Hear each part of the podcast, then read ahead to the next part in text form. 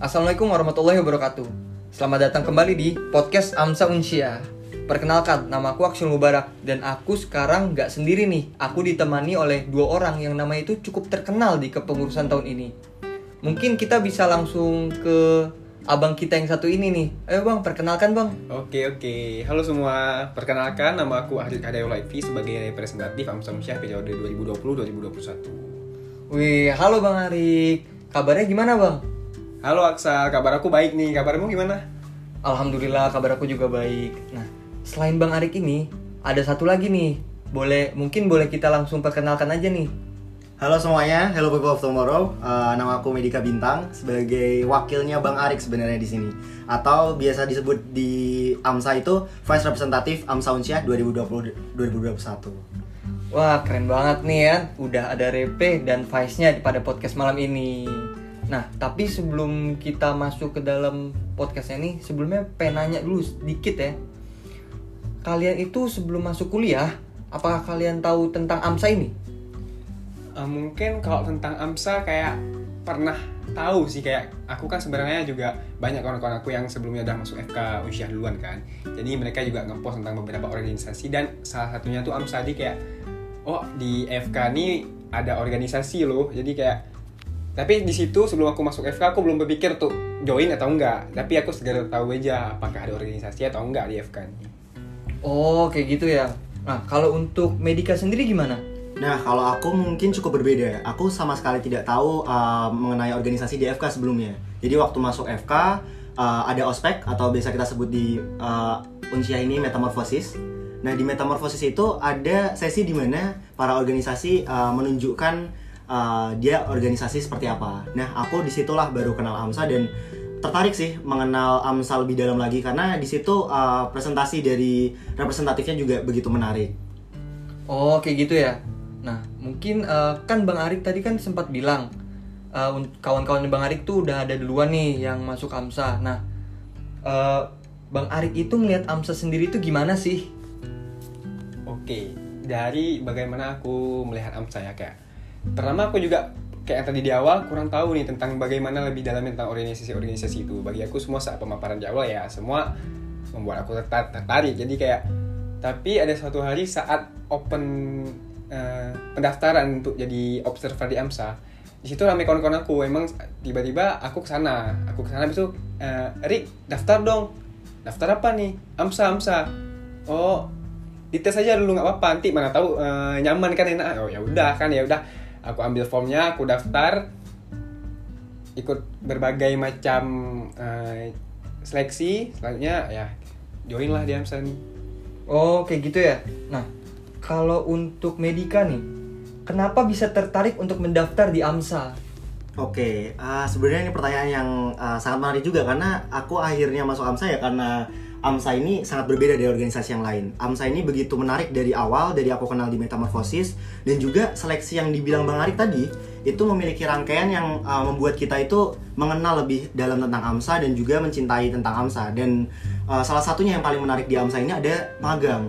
Ah, di magang ini tuh kita belajar uh, bagaimana sih cara membuat program kerja di AMSA Unsia. Di situ kita juga uh, belajar seluk beluknya AMSA, AMSA itu seperti apa, dan kita juga kenal dengan senior seniornya. Di situlah yang paling uh, membedakan AMSA dengan organisasi lain. Akhirnya aku benar-benar bisa mencintai AMSA dan nggak beralih lah dengan organisasi lain ya karena hal itu. Wah, keren banget ya emang. Ehm, nah, untuk Bang Arik ini, menurut Bang Arik, apa yang membedakan AMSA dengan organisasi lainnya?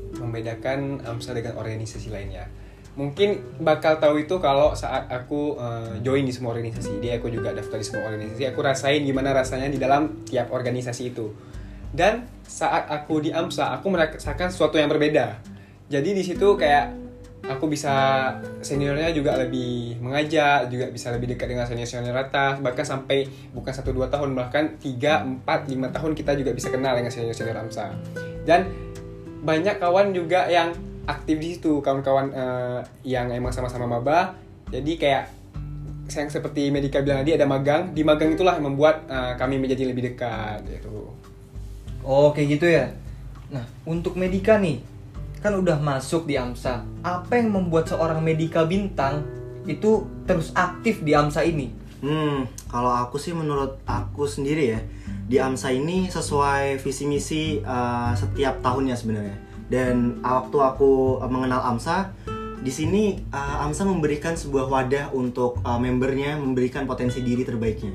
Jadi uh, banyak uh, maba-maba di sini yang benar-benar uh, mendapatkan potensi dirinya. Jadi uh, saat magang dia bisa mengeluarkan minat bakatnya yang sesuai dengan minatnya, bakatnya misal uh, menjadi seorang pemimpin, bisa mengikuti uh, sebuah AMSA debate class atau sebuah uh, perlombaan-perlombaan yang dengan AMSA di sinilah kita bisa uh, mengerti potensi kita lebih baik dan lebih dalam. Dan di situlah akhirnya uh, aku dikasih opsi untuk um, memiliki uh, tingkat keaktifan di AMSA. Jadi aku diberikan peluang untuk mengikuti magang sebagai ketuanya dan di situ uh, aku jadi lebih aktif dan lebih senang rasanya kalau uh, potensi kita itu bisa keluar dengan maksimal. Wah, berarti emang banyak banget ya manfaat manfaat masuk ke AMSA ini ya. Bener banget, bener banget. Ini mungkin em, pertanyaan berikutnya ini eh, lebih menjurus ke medikan yang baru aja eh, lebih baru lah daripada Bang Arik. Yoi. Nah, untuk Medika, pengalaman apa yang paling mengesankan selama Medika ini menjadi observer? Hmm, ini barusan aku singgung tadi. Nah, waktu menjadi observer, kita akan langsung masuk ke magang. Dan di sini sebenarnya bukan berarti aku yang memang pengen menjadi ketua, bukan. Jadi di situ kita diberikan opsi untuk uh, siapa sih yang mau menjadi ketua, siapa yang mau menjadi sekretaris. Jadi uh, pemilihan presidium ini secara transparan terbuka untuk kita uh, siapa yang uh, lebih berminat dan kebetulan di situ aku dipercaya oleh teman-temanku untuk menjadi ketua magang. Nah, itu adalah sebuah uh, momen yang tidak akan terlupakan karena sebelumnya saya menjadi um, siswa di SMA maupun SMP tidak terlalu terlalu aktif untuk menjadi seorang siswa. Namun di mahasiswa ini potensi yang akhirnya terbuka itu adalah te- uh, saat aku memulai menjadi ketua magang. Itu sangat berkesan karena menjadi ketua magang itu kita um, um, um, menjadi uh, pemimpin yang baik, uh, mengatur sebuah time management uh, bersama teman-teman um, membuat program kerja ini tuh sukses. Pokoknya itu mengesankan banget buat aku menjadi observer. Wah, keren banget ya. Nah, berikutnya nih, kan tadi untuk Medika itu observer. Nah, kalau untuk Bang Arik nih, pengalaman apa yang paling mengesankan selama Bang Arik menjadi member? Hmm, Oke, pengalaman selama aku menjadi member di Amsa Unsyah ini. Pengalamannya emang ini memang betul-betul nggak bisa dilupain dan emang pengalaman sekali ya baru aku rasain selama hidup aku di saat representatif kemarin yaitu eh, Bang Nailun Afif. Eh, mereka membuat suatu program kerja yang bernama Desa Binaan. Desa Binaan itu ya kita membuat berbagai eh, macam kegiatan di suatu desa dengan jangka waktu yang lama. Biasa kita juga biasa membuat kegiatan kan paling kayak sehari atau dua Iya. hari kan. Tapi ini memang jangka waktu berbulan-bulan. Jadi setiap bulan kita buat kegiatan, buat kegiatan dan di situ aku diajak untuk berpartisipasi. Jadi aku sebagai ketua divisi humas. Jadi banyak sih kayak beberapa orang di karena di situ kan masih mahasiswa tahun kedua kan, belum semua terlalu dekat dengan kawan-kawan. Di desa binaan itu juga lebih dekat dengan kawan-kawan yang baru yang biasanya cuma kayak sekedar say hello ya tapi di sini memang jadi jauh lebih dekat lagi. Ketemu kawan-kawan yang baru-baru lagi berbagai macam orang. Ketemu senior-senior yang juga membantu sangat membantu. Jadi membuat kegiatan ini selama berbulan-bulan saat capek senang itu emang dapat di desa binaan ini bukan kayak sekali aja selesai tapi emang jangka panjang emang enak lah untuk kita ingat semua untuk jadi memori itu. Jadi oh kenapa eh, enak juga ya jadi member Amsa Unsyah senior seniornya juga ngebantu untuk selama desa binaan. Dan dan di situ, juga aku ketemu eh, anak 2019 ya kan kayak Aksal dengan Medika. Di situ juga aku kenal dengan kalian-kalian ini selama desa binaan. Oh, kayak gitu ya Bang ya. Nah, ini pertanyaan berikutnya ini eh, mungkin menjurus ke kalian berdua nih. Mungkin pertama bisa dijawab oleh Bang Arik dulu ya Bang. boleh Selam, kan Bang Arik udah jadi representatif nih. Selama representatif, pengalaman apa sih yang paling mengesankan? pengalaman yang paling mengesankan selama menjadi representatif sebelum aku menjadi re- representatif aku nggak pikir sih kayak aku bisa mendapatkan kayak hal positif dari menjadi representatif. Karena kayak aku pikir ah aduh capek nih tapi nggak apa dicoba dulu. Mungkin banyak hal positifnya. Rupanya setelah aku terjun nyelam di situ banyak hal positif yang bisa aku dapat sebagai representatif. Salah satunya aku bisa mendapat relasi atau teman-teman baru. Yang sebelumnya aku cuman eh, berkenalan paling dengan anak FK Unsya dan sekitaran Unsya paling beberapa dengan orang luar tapi dengan menjadi representatif bisa menambah relasi pertemanan lebih jauh. Di, eh, di luar hanya anak FK Unsya atau Unsya saja tapi kita bisa berkenalan lagi dengan orang-orang di luar di luar Aceh di luar Sumatera bahkan bisa berkenalan juga orang di luaran eh, Indonesia sendiri dengan sebagai representatif eh, AMSA ini dan join AMSA ini banyaklah peluangnya pokoknya Nah, keren banget ya bang berarti. Tapi kan kurang afdol nih kalau cuma reprenya. Kalau Vice-nya gimana nih pengalaman paling mengesankannya? Hah, sebenarnya uh, nggak kalah menarik sebenarnya dari representatif. Kita sebagai vice representatif atau PBB yang lain itu juga bisa memberikan atau mempunyai memori yang sangat mengesankan. Kalau dari vice representatif sendiri, pertama aku uh, mendapatkan tanggung jawab. Uh, jadi vice representatif itu adalah tugas yang cukup berat karena di sini kita mengatur internal yang mana kalau representatif itu arahnya lebih ke eksternal. Dia membangun relasi, membangun uh, kerjasama dengan pihak-pihak uh, luar, AMSA Indonesia maupun dekanat. Sedangkan uh, vice representatif ini lebih membangun internalnya. Kita akan uh, mensolidaritaskan PBB-nya antar membernya. Jadi tugas di sini tuh sebagai vice representatif menyenangkan sekali karena kita uh, bertemu dengan kawan-kawan setiap hari kita uh, membangun proker tuh bersama-sama. Jadi uh, itu sih yang menurutku hal mengesankan satu tahun tuh rasanya nggak kerasa dan apa ya menjadi vice representatif tuh nggak bakal terlupakan uh, buat aku. Wah, berarti selain mendapat relasi, pengalaman juga dapat ya. Betul banget betul. Wah, ini mungkin pertanyaan terakhir nih. Hmm. Ah, ada ada nggak sih eh, hal-hal yang menurut kalian yang perlu ditingkatkan untuk AMSA kepengurusan tahun depan itu? Kalau iya itu apa?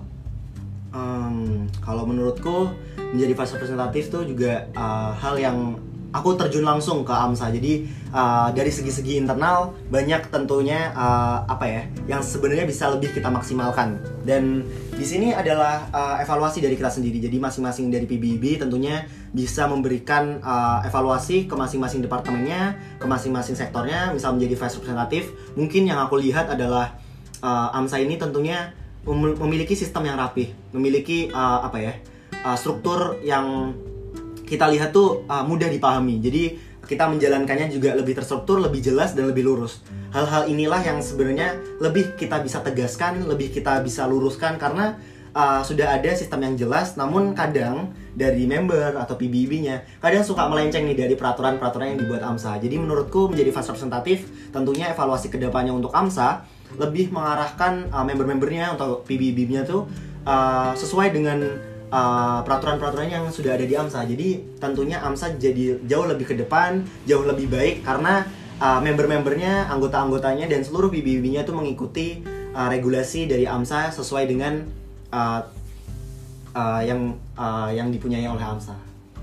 Wah, itu udah dari vice representatif nih. Kalau dari reprenya sendiri tuh apa kira-kira yang perlu di- ditingkatkan? untuk dari aku ya emang kita sebagai yang memegang suatu kepengurusan berada dalam suatu kepengurusan berada dalam satu keadaan pasti ingin di keadaan selanjutnya kita menjadi lebih baik. Bukan Setuju, berar- bukan berarti di saat kita mengatakan menjadi lebih baik ke- sebelumnya itu tidak baik. Bukan tapi kayak kita selalu berusaha untuk menjadi meningkatkan apa yang sudah kita buat sekarang kayak gitu. Nggak boleh cepat puas lah pokoknya. ya. betul betul banget tuh. Habis itu sebenarnya salah satunya yang lebih kayak dipertahankan sih menurut aku kayak kekeluargaan di AMSA ini. Jadi kita bukan hanya sekedar eh, berkenal sesama seangkatan tapi kita selalu kita pertahankan untuk silaturahmi ke atas maupun ke bawah dengan junior jadi walaupun bedanya ber belasan tahun bahkan kok bisa kenal sih itu? Karena walaupun kita bukan suatu kepengurusan lagi ya bukan kita sebagai mungkin aku suatu saat bukan repre lagi tapi aku tetap AMSA tapi karena gitu karena kayak walaupun dia observer maupun dia adalah senior selama dia atas nama AMSA mereka tetap, kita tetap AMSA jadi itu sih yang harus dipertahankan pokoknya kayak jangan saling putus hubungan lah antara sesama AMSA gitu Ya sesuai dengan slogannya lah. AMSA Unsyah tuh punya slogan yang menarik banget dan uh, sering didengar oleh member-membernya. Uh, salah satunya adalah uh, they call it organization, we call it family. Jadi uh, di AMSA Unsyah inilah kita menemukan keluarga. benar banget Amerika benar Wah, keren banget ya. Eh, tapi sebelumnya terima kasih banyak nih untuk Bang Arik, untuk Medika karena udah meluangkan waktunya yang mungkin cukup sibuk kan. Eh, Ya terima kasih juga eh, Aksal karena udah kasih kami kesempatan untuk eh, bicara sini. Kalau emang ada apa-apa, Ti, boleh lah kita untuk sharing-sharing lagi tentang AMSA ya kan. Yang Apa pasti- sih yang nggak buat Amsa Unsia, ya kan? yang pastinya dong. Nah, mungkin itu aja eh, akhiran dari podcast Amsa Uncia ini. Aku Akshal. Aku Arik. Dan aku Medika. Eh, mohon maaf bila ada kata-kata yang salah. Assalamualaikum warahmatullahi wabarakatuh dan sampai jumpa di podcast Amsa Uncia selanjutnya. Dadah. Dadah. Dadah.